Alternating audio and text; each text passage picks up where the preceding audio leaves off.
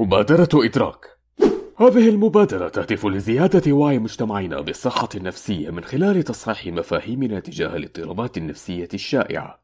لكي نبني مجتمعا صحيا متكاملا ونتكاتف لمساعدة بعضنا البعض. السلام عليكم ورحمة الله وبركاته. يتجاهل الكثير من الأشخاص الصحة النفسية معتبرين أن ليس لها أي أهمية. ولكن في حقيقة الأمر فإن صحة الإنسان النفسية قد تكون أهم من الصحة الجسدية وذلك لما تمتلكه من تأثير قوي على الإنسان. معكم وفاء عبد العزيز الشدادي طالب الطب وجراحة من جامعة أم القرى. أهلا بكم في حديثنا اليوم تحت مبادرة إدراك وهي مبادرة مقدمة من مجموعة طلبة الطب بالمملكة العربية السعودية بإشراف جامعة أم القرى.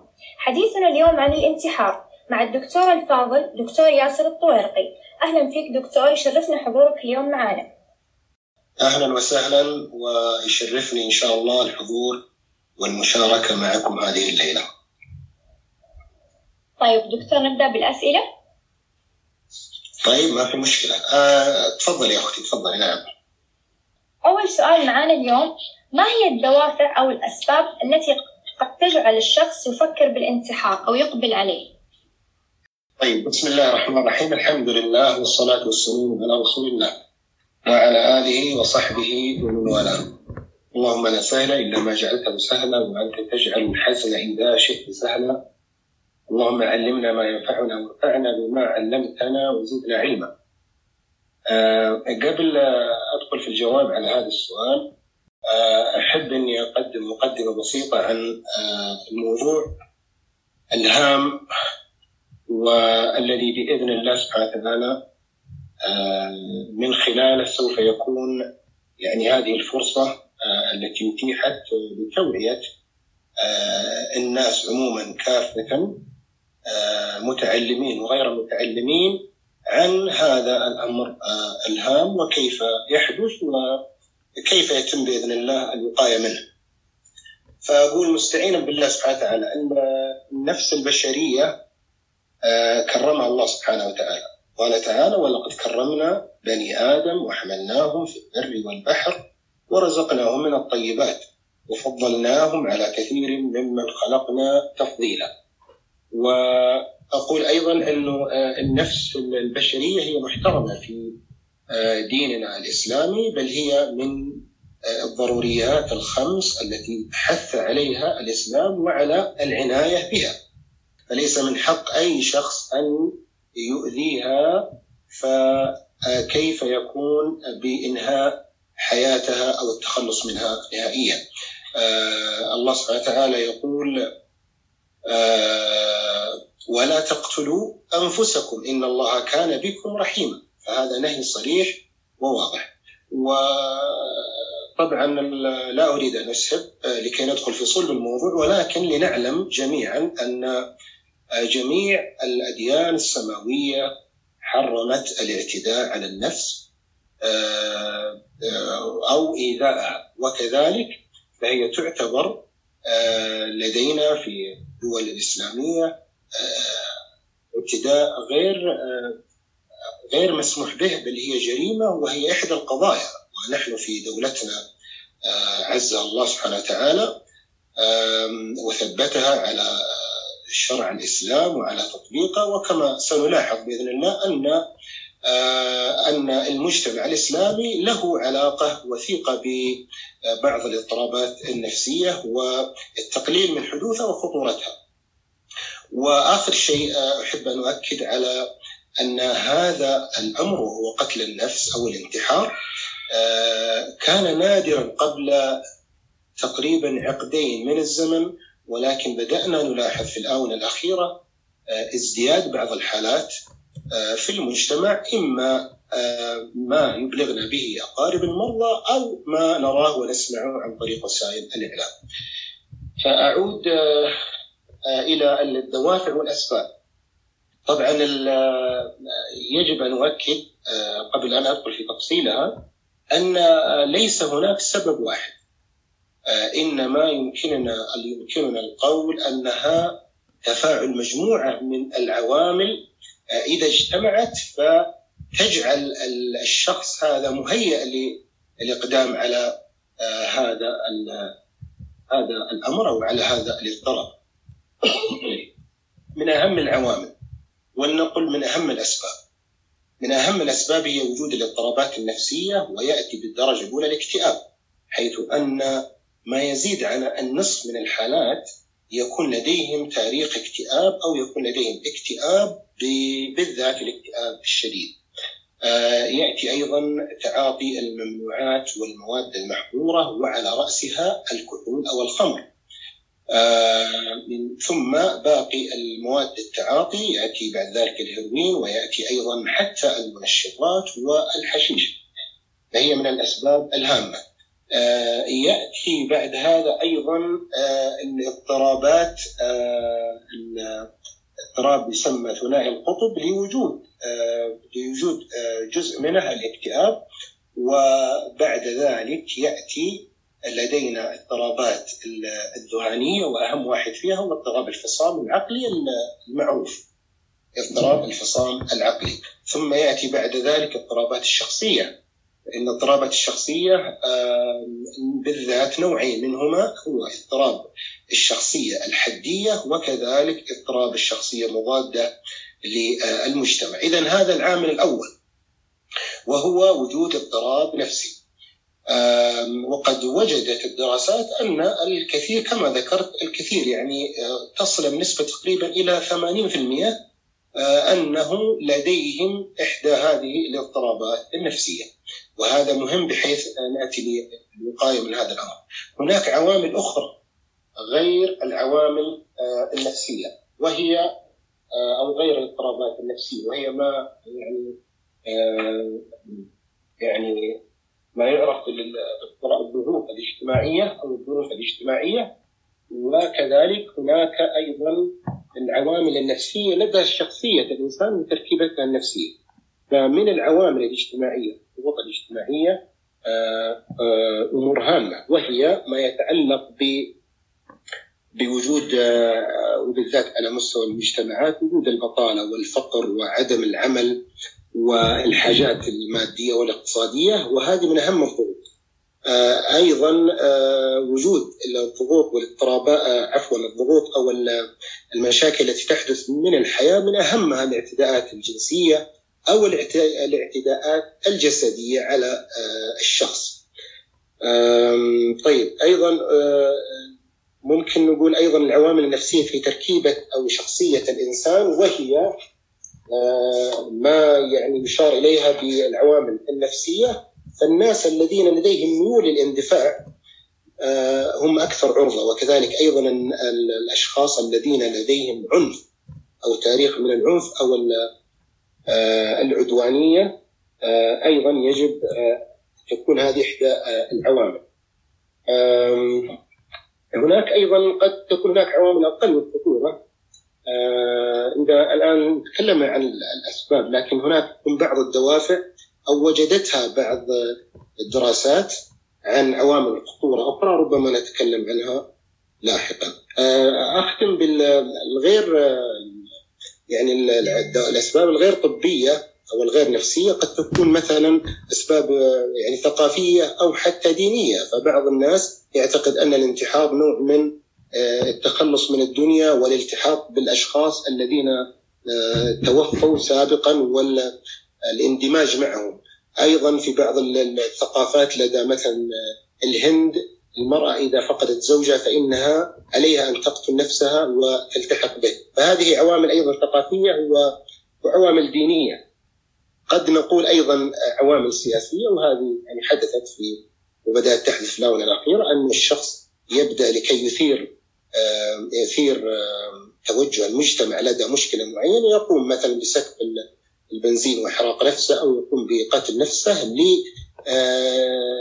لسبب اسباب شخصيه وأيضا يدخل فيها العوامل آه، أو الأسباب السياسية. نعم. طيب تمام. ننتقل للسؤال الثاني. طيب. آه ما هي الفئة العمرية الأكثر عرضة للانتحار ولماذا؟ الفئة العمرية طبعا هو الانتحار إذا تحدثنا عن الدراسات فالمتاح والمعمول به آه، كثيرا لوجود مراكز رصد ابحاث فهي في الدول الغربية أكثر. الدول الأوروبية ولا دول شمال أمريكا هذه أكثر. ولكن لدينا نحن من الخبرة الكلينيكيه أو من ما آه، نشاهد ونسمع. ولا يوجد في علمي آه، نسبة تحدد الانتحار في مجتمعنا. ولكن بالنسبة ل ترى إحنا ما تكلمنا عن مدى الانتشار آه، ولكن أقول بالنسبة للأكل الفئه العمريه الأكثر هو في كبار السن أكثر حسب الدراسات. يعني من ال 40 فما فوق أو نقول من ال 45 فما فوق. كلما زاد العمر آه، يكون أكثر آه، الشخص عرضة. آه، في الدول شمال أمريكا بدأ بدأت وحتى في الدول الأوروبية الفئة الشباب بداية الشباب ونهاية المراهقه يعني من ال 15 تقريبا إلى إلى ال 24 بدأت تزداد فيهم النسبة بصفة بشكل ملحوظ حتى وصلت إلى كونها السبب الثالث من أسباب الوفيات في أمريكا. نعم طيب دكتور آه السؤال اللي بعده هل هناك فرق بين إيذاء الشخص لنفسه وبين الانتحار؟ آه لا شك لا شك أن هناك فرق آه حتى في العوامل المسببة وكذلك حتى في التعاطي والوقاية فالفعل الإيذاء بالنفس قد يكون مستهدف به فقط الإيذاء وليس مستهدف به إنهاء آه، إنهاء الحياة. فهناك فرق. ولا شك عندما نرى آه، الإحصائيات عن إيذاء النفس فهي تكون أعلى هي تكون أعلى. آه، فكل مثلا ما يقارب تقريبا 10 إلى 20 محاولة ينجح منها مثلا محاولة واحدة. فهذه يسمونها ايذاء النفس أيضا حتى في بين الرجال وبين الذكور والإناث هي أكثر في الإناث يعني الاعتداءات على النفس. قد يكون آه، وهذه فيها يعني نوع من عدم الوضوح أحيانا. قد يكون إيذاء النفس ينتهي بالقتل وقتل النفس ولكن ليس يعتبر انتحار. فقد يسجل على أنه انتحار لكن وأعطي مثال لكي يوضح. قد تأتي البنت المراهقة التي وقعت مثلا في مشكلة فذهبت لكي يعني من بسبب الاندفاع فتأخذ مثلا مجموعة من الأقراص البانادول أو غيرها آه، لكي يعني آه، ليس بهدف القتل وإنما بهدف يعني الخروج من المشكلة وقد يكون أيضا من عدم من الضيق والطفش والملل فربما إذا كانت الجرعات عالية آه، في بعض الأدوية قد تنتهي حياتها.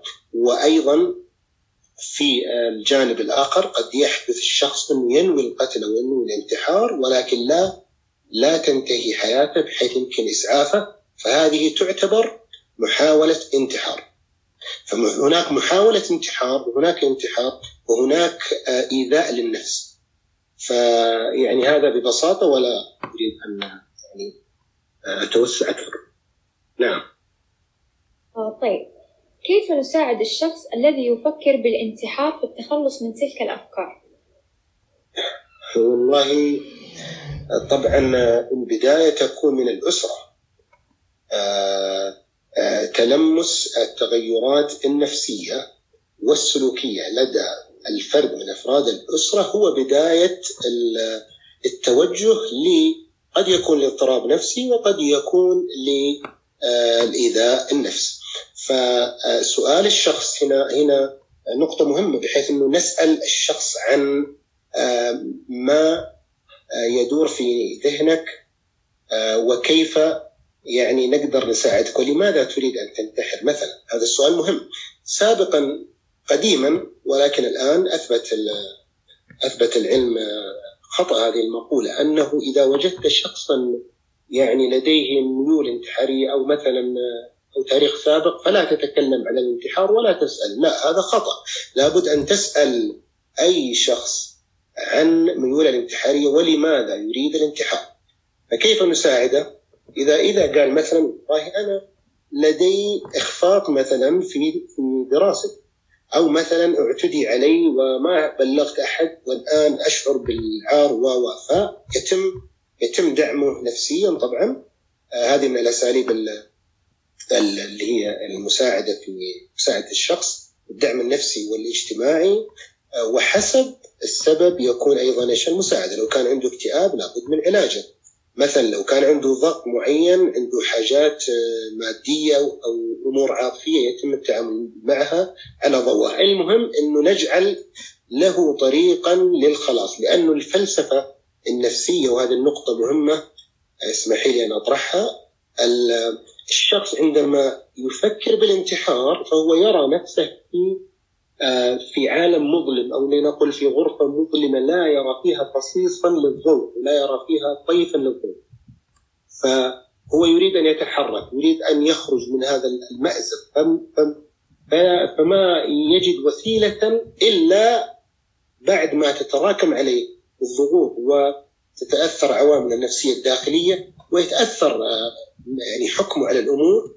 فهنا يبدأ آه، يتصرف أي تصرف قد يكون أحد منها اللي هي الانتحار. يعني نقول مثلا آه، لا ملجأ هو يعني يذكر للشخص بنفسه سيكولوجيا لا ملجأ من ضغوطي من اكتئابي من مشكلتي إلا الموت. ولكن نحن نقول له لا ملجأ الله إلا إليه. نحن نقول لك لا ملجأ أو لا منجأ من هذا الأمر إلا أن تستعين بالله اولا ثم بطرق أبواب الأشخاص المختصين لكي يساعدوك. فهذا هو طبعا النقطة اللي أحببت أن أتطرق لها نعم. طيب دكتور حسب كلامك سابقا أنه للأسرة والمجتمع دور مهم في الانتحار. وإذا إذا قلنا إذا قلنا من ناحية أنا تكلمت نوعا ما عن مساعدة المنتحر ولكن إذا تقصدين بالسؤال هل هم يكونون أحد العوامل الخطورة والأسباب هل هذا هو المقصود؟ لا كيف يساعدوا الشخص إنه ما يفكر بالانتحار آه، أنا قلت أنا قلت طبعا آه، شوفي يا أختي هو آه، كل حالة كل حالة انتحار لها دواعيها وأسبابها الخاصة وطرق علاجها يعني إذا كانت بنت مثلا مراهقه عندها مشكلة في المدرسة لأن أنا قلت أول شيء نسمع لها لماذا؟ ليش؟ والله عشان كذا كذا إذا أبدأ أساعدها في هذه النقطة. أبدأ أقول لها ترى في أمل وفي في إن شاء الله حلول للمشكلة.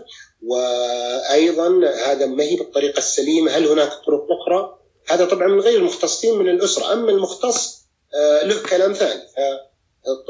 الخطوة ما بعد كذا بعد ما نقدم لها الدعم النفسي والعاطفي والاجتماعي والأسري حسب المشكلة نبدأ نأخذها للمختص.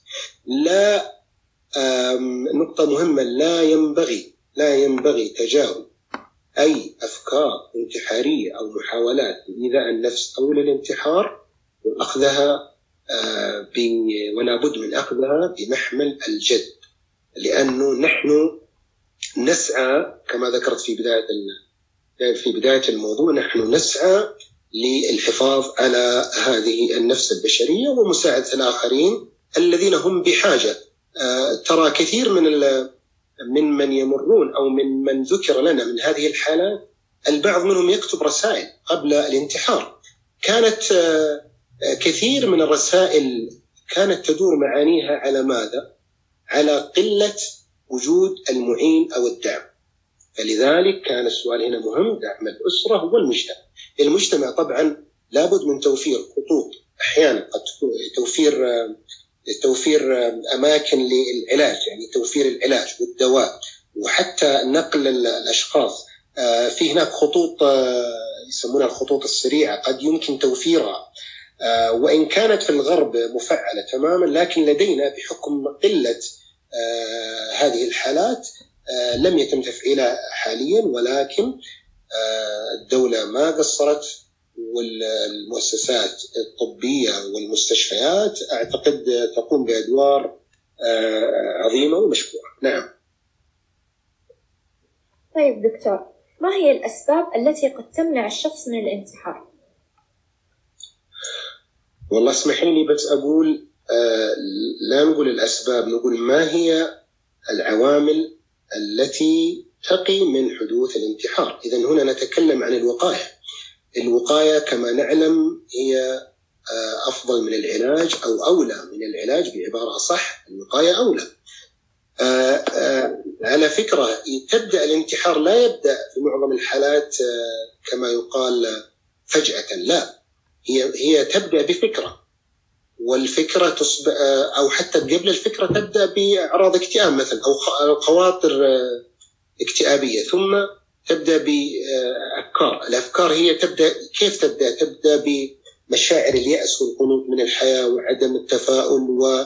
واحتقار النفس والشعور بالذنب، ثم بعد هذا يبدأ التفكير في في انه الموت أولى من الحياة، ما وجدت خروج من هذا المأزق، ثم تبدأ بعد ذلك اللي هي المحاولات، وحتى أثناء المحاولات يعني ففي حتى اثناء المحاولات مو بالشرط تنتهي بالانتحار، إذا ما قبل المحاولات نحن نستطيع أن نقي هذا الشخص. الوقاية تتمثل في عدة جوانب. آه الوقاية تكون اولا بتخفيف الضغوط التي تقع على هذا الشخص سواء ضغوط اجتماعية بكافة انواعها، ضغوط الفقر، ضغوط الحاجة، فقدان العمل. آه الدراسات أيضا تشير إلى أنه الأشخاص اللي هم ليس لديهم عمل. آه، أو ما يندرج تحت البطالة. وأيضا الأشخاص آه، مثلا الذين يعيشون بمفردهم أو المطلقين والمطلقات آه، ما يمرون بظروف عاطفية. فهنا لابد من تلمسها من الناحية الاجتماعية. الأمر الآخر لابد لابد من علاج وعدم الاستهانة بعلاج حالات الاكتئاب. آه، فالاكتئاب هو أهم الأسباب التي ذكرناها. آه، أيضا ولذلك عند الاكتئاب وعند لابد من جميع الأطباء وحتى الأسرة أي شخص يكون لديه آه، مجرد أفكار أو أو حتى ميول انتحارية لابد من من مساعدته وأخذه للجهة المختصة. للأسف المواد اللي بدأت تنتشر مواد التعاطي هذه أحد اهم الأسباب أيضا لابد من الحد من انتشارها وتطبيق القوانين القوانين الأمنية والدولية في الحد من انتشار وترويج هذه المواد. نحن وبحمد الله أقل في مجتمعنا يعني توفر هذه المواد ولكن لو نظرنا للمجتمعات الغربية وهي متقدمة علميا وتقنيا لكن آه، يوجد لديهم الكثير من المآسي بسبب تعاطي الخمر والمواد الأخرى. آه، الخمر يأتي في الدرجة الأولى. نحن لدينا هنا آه، وبكل صراحة يوجد الخمر المحلي ويوجد أيضا الحشيش ويوجد الكابتجون اللي هي المنشطات وبصورة أقل يوجد اللي هو البودرة الهروين فلذلك منعها والحد من انتشارها. أيضا لو نظرنا للعوامل الروحية والأسباب يعني دورها في الوقاية هذا من أهم الأمور. نحن وبحمد الله كثير ممن يمرون بحالات التفكير في الانتحار سواء الأفكار أو المحاولات نسبة كبيرة ممن قابلناهم كانوا يذكرون لنا نحن نسأل أحيانا ما الذي يمنعك من الانتحار؟ أو ما الذي قد يعني آه، يجعلك تتوقف الانتحار. كانت آه، معظمهم كانوا يقول السبب آه، أن هذا ما يجوز وانه قد أتعرض للعذاب فيما بعد. اذا هنا العامل الروحي يجب يعني إذكاء في النفس بأن نقول للشخص لو قدمت على هذا الفعل قد تكون خسرت الدنيا والآخرة ولكن نقول طبعا بطريقة سلبية لأن الشخص عفوا بطريقة إيجابية أكثر لأن الشخص يكون قد آه، قد يعني أحيانا مع الاكتئاب ينظر لنفسه نظرة سلبية ويبدأ يلوم نفسه يكون عنده شعور بالذنب فلا نزود الشعور لديه أكثر وإنما نفتح له هذا يعني هذا الباب آه، ونذكر له أيضا أن الابتلاءات وأن الضغوط هذه اللي تمر بالإنسان والأمراض كذلك هذه ابتلاء من الله فلا بد من الصبر عليها والابتلاء خير للإنسان ونذكر له حتى الأحاديث. إذا أحب الله عبدا ابتلاه. ترى يا أختي والكلام للجميع أنه هذه الأمور النفسية الشرعية والدينية مما قد يغفل عنها الكثير ولكن هي صمام أمان أمان بعد توفيق الله سبحانه وتعالى في مجتمعنا لقلة وجود هذه الحالات. أما بالنسبة لي لو نظرنا للملحدين الذين هم لديهم الانتحار أيضا أكثر أو حتى غير المتدينين وجدوا حتى في الدول الغربية البروتستانت أكثر من الكاثوليك، الكاثوليك أكثر من الجوش، والجوش واثبت الدراسات أن الدول الإسلامية هي الأقل. إذا العامل الروحي يجب تفعيله ويجب إدراجه ضمن الوقاية وأيضا آه، العلاج نعم طيب دكتور حسب خبرتك من هم الأكثر عرضة للانسحاب الذكور أم الإناث ولماذا؟ الأكثر عرضة للانتحار وإنهاء الحياة بإيذاء النفس والانتحار هذا لا شك أنه أكثر في الرجال أو أكثر في الذكور. النسب تتراوح يعني لكن نقدر نقول من ثلاثة تقريبا إلى أربعة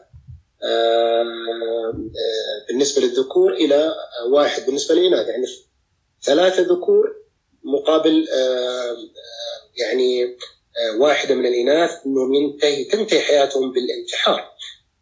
أما محاولات إيذاء النفس أو محاولات الانتحار وأغلبها تكون يعني غير جادة فهي أكثر في الإناث.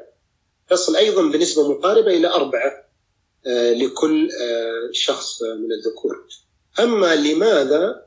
فهناك يعني باختصار باختصار هذا الموضوع يطول أصلا لكن باختصار. نجد آه، انتشار المخدرات أكثر في الرجال. وجود الأمراض الاكتئاب آه، في الفئات العمرية وإن كان وإن كان في النساء أكثر الاكتئاب بنسبة الضعف ولكنه آه، في الذكور أيضا موجود وخاصة في ما بعد الأربعين وأيضا في المراهقين. إذا قد يكون الاكتئاب أحيانا شديدا العوامل النفسية الأخرى التي تغلب الجانب نجاح الذكور هي آه، أن آه، محاولاتهم تكون جادة وهذه من طبع من طبيعة آه، يعني تكوين سبحان الله الرجل أن يكون يعني يعني أكثر يعني تاثرا و يعني إيجاد حل سريع للمشكلة و أيضا كما ذكرت فهنا يكون يعني الشخصية لها دور. أما المرأة بجانب الرجل قد تكون نوعا ما يعني في تكوينها عاطفية أكثر من آه، من ميولها للعنف وإن صح التعبير يعني آه، الصرامة في اتخاذ القرارات وعدم آه، التوجس منها فهنا يكون هذه أحد العوامل. ربما ربما أيضا للضغوط وجدت بعض الدراسات الضغوط بعض أنواع الضغوط تكون أكثر اللي على جانب الذكور مثلا الاحتياجات المادية والضغوط حتى الثقافية والسياسية مشاكل العمل مشاكل الأسرة. كما نعلم أن الرجل هو رب الأسرة فهو المتحمل الأول لواجهه الضغوط. هذا قد يكون أحد الأسباب. ولكي يكون يعني أكثر دقة الإناث بالنسبة للضغوط وجدت الدراسات إنه الاعتداءات الجنسية يكون محاولات الإناث فيها يعني أكثر آه، يعني أكثر جدية وأكثر من الرجال. يعني من يعتدي عليه جنسيا إذا كانت بالجانب الانثوي فتكون إيش؟ أكثر هذه باختصار نعم. طيب دكتور هل هناك علامات تساعدنا في معرفة إذا ما كان الشخص يفكر بالانتحار؟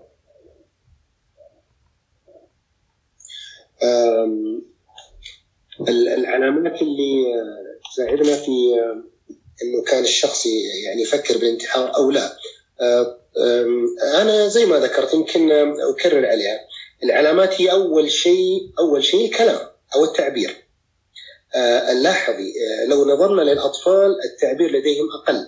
يعني الطفل ما بيجي يقول أنا بنتحر وإن كنا وإن كنا بدأنا نسمعها في المراهقين نتيجة نتيجة انتشار بعض بعض ألعاب الإلكترونية هذه للأسف التي هي آه، تتحدث مع أبنائنا في إطار شبه منعزل وتملي عليهم كثير من الأمور وقد سمعنا عن بعض الحالات آه، أن مراهقين آه، يعني قاموا بشنق أنفسهم نتيجة التفاعل مع هذه الألعاب الإلكترونية. فإذا بدأ يتكلم كما هو الحال في الكبار نبدأ آه، نتعامل معه حسب آه، فتح باب الأمل له. إذا كان عنده نقول انتحاريه، إذا كان عنده سلوك لابد من أخذه إلى الجهة المختصة وعلاجه. آه، لابد من الحد من يعني حد الحد من الاسترسال في هذه الأفكار ومحاولة الدعم الدعم سواء الدعم الأسري أو الدعم الاجتماعي. وأيضا الدعم الطبي. يعني لو أتى شخص وقال أنا والله طفشان من الحياة يجب آه، أن نسأل لماذا وماذا تنوي أن تعمل. مثلا نحن كمختصين وحتى الأسرة. لابد أن يكون أن نكون قريبين من بالذات المراهقين. لابد أن نكون قريبين منهم ونتلمس احتياجاتهم بالضغوط والمعاناة. يعني بدأنا نسمع أطفال أطفال في في في مراحل الطفولة الأولى. يقول الطفل أنا طفشان أنا زهقان أنا ماني مرتاح. يعني هذه ما كنا نسمعها سابقا ولكن التعبير جيد. عموما التعبير جيد. فحنا نتعرف بالسلوك نتعرف عليه. تغير السلوك أحيانا قد يكون تغير سلوك آه، شبه حاد يعني في المراهقين وأعطي مثال عشان ما أتوسع. مثال قد هذا يشرح. لو وجدنا آه، طفل مراهق عفوا أو يعني ولد مراهق مثلا في ال 15 كان ماشي امور أمور طيبة وفي دراسته وفي عمله وخروجه وكل شيء. بعدين وجدناه ينعزل. وجدناه ما يعب ما يتفاعل معه. وجدنا عليه علامات الحزن. هنا تغير. تغير سيكولوجي أو نفسي.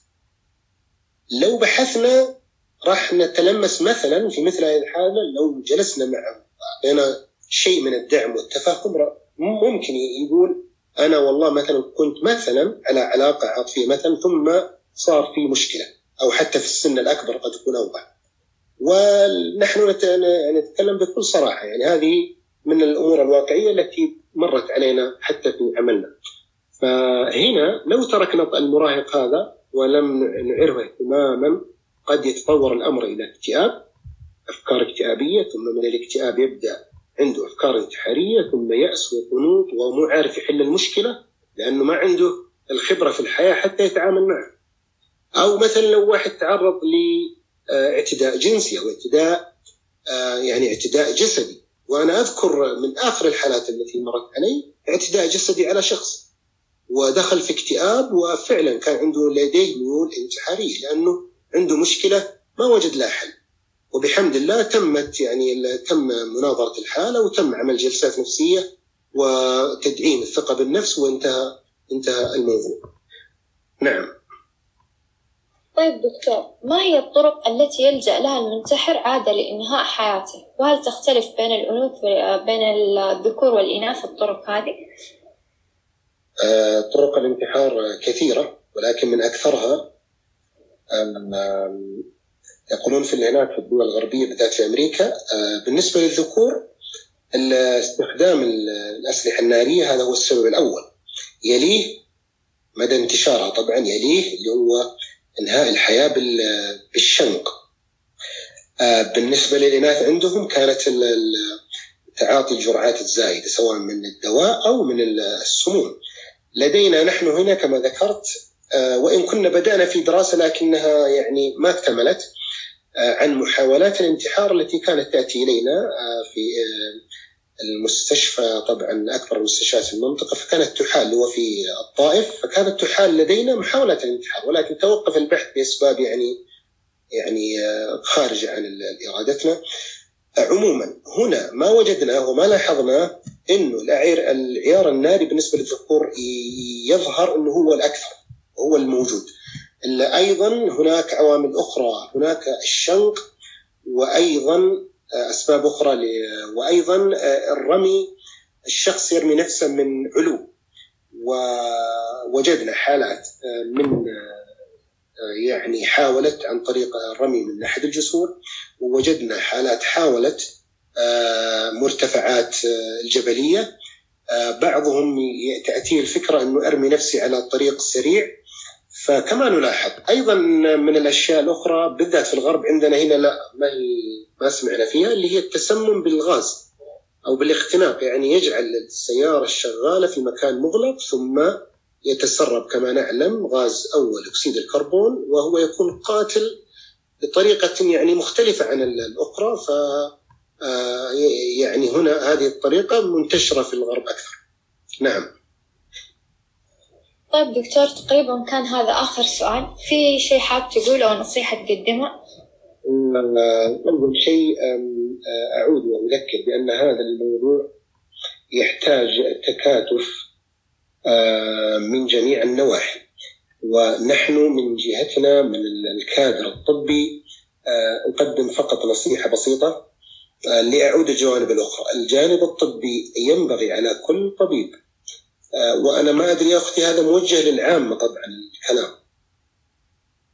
وإن كان يدخل يدخل فيهم طبعا من يستمع لهذا اللقاء من الأطباء وغير الأطباء. لكن بالنسبة للأطباء لابد من سؤال وعدم التحرك سؤال المريض عن الميول الانتحارية خصوصا إذا كان لديه ضغوط نفسية أو كان لديه علامات اضطراب نفسي. من الجهة الأخرى التي نحتاج التكاتف بها اللي هي الجهات الاجتماعية. عمل الدراسات الاجتماعية بالتزامن مع المؤسسات الطبية الجامعات ومراكز الأبحاث المستشفيات. وعمل هذه الدراسات للأسف نحن متأخرون كثيرا.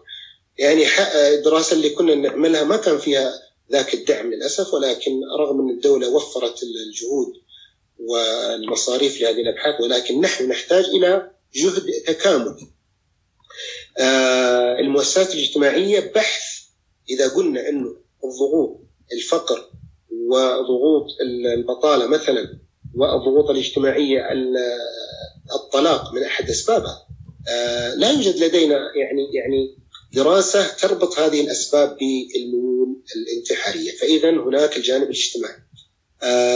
أخيرا وليس آخرا وهذا آه يعني أحد الجهود اللي نقوم بها الآن اللي هو الإعلام. الإعلام ينبغي أن آه يوعي الناس بالعوامل الخطورة وكيفية التعامل مع من لديه ميول انتحارية وأيضا تخفيف وصمة الطب النفسي أو الذهاب للطبيب النفسي أو الإعادة النفسية لأن الأمر قد يكلف الإنسان حياته فأرجوكم من يسمعني كل من لديه معاناة نفسية خصوصا الاكتئاب أو الضغوط النفسية الشديدة ترى بإذن الله وبحمد الله العلاجات متوفرة وليس منها خطورة أو إدمان كما هو الشائع عند البعض. فيعني إبراء للذمة وجدنا انه بدأت الأمور هذه تظهر أكثر على السطح فنحن نستطيع بإذن الله وبعون الله الوقاية منها وبهذا يعني تم الموضوع وأسأل الله لي ولكم التوفيق وأن يشفي جميع المرضى الذين لديهم معاناة أو من لديهم ضغوط وأن يحفظ مجتمعاتنا المجتمع الإسلامي الذي لا يزال لديه الروابط والتكاتف ولا شك إن شاء الله أننا نمشي على الطريق السليم بإذن الله سبحانه وتعالى. وصلى الله وسلم على نبينا محمد. شكرا لك دكتور شكرا على وقتك. الثمين اللي أعطيتنا يعطيك العافية.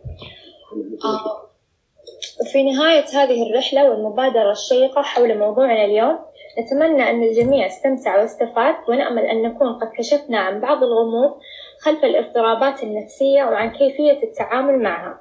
كانت معكم وفاء عبد العزيز الشدادي والدكتور الفاضل دكتور ياسر الطوارتي والسلام عليكم ورحمة الله وبركاته.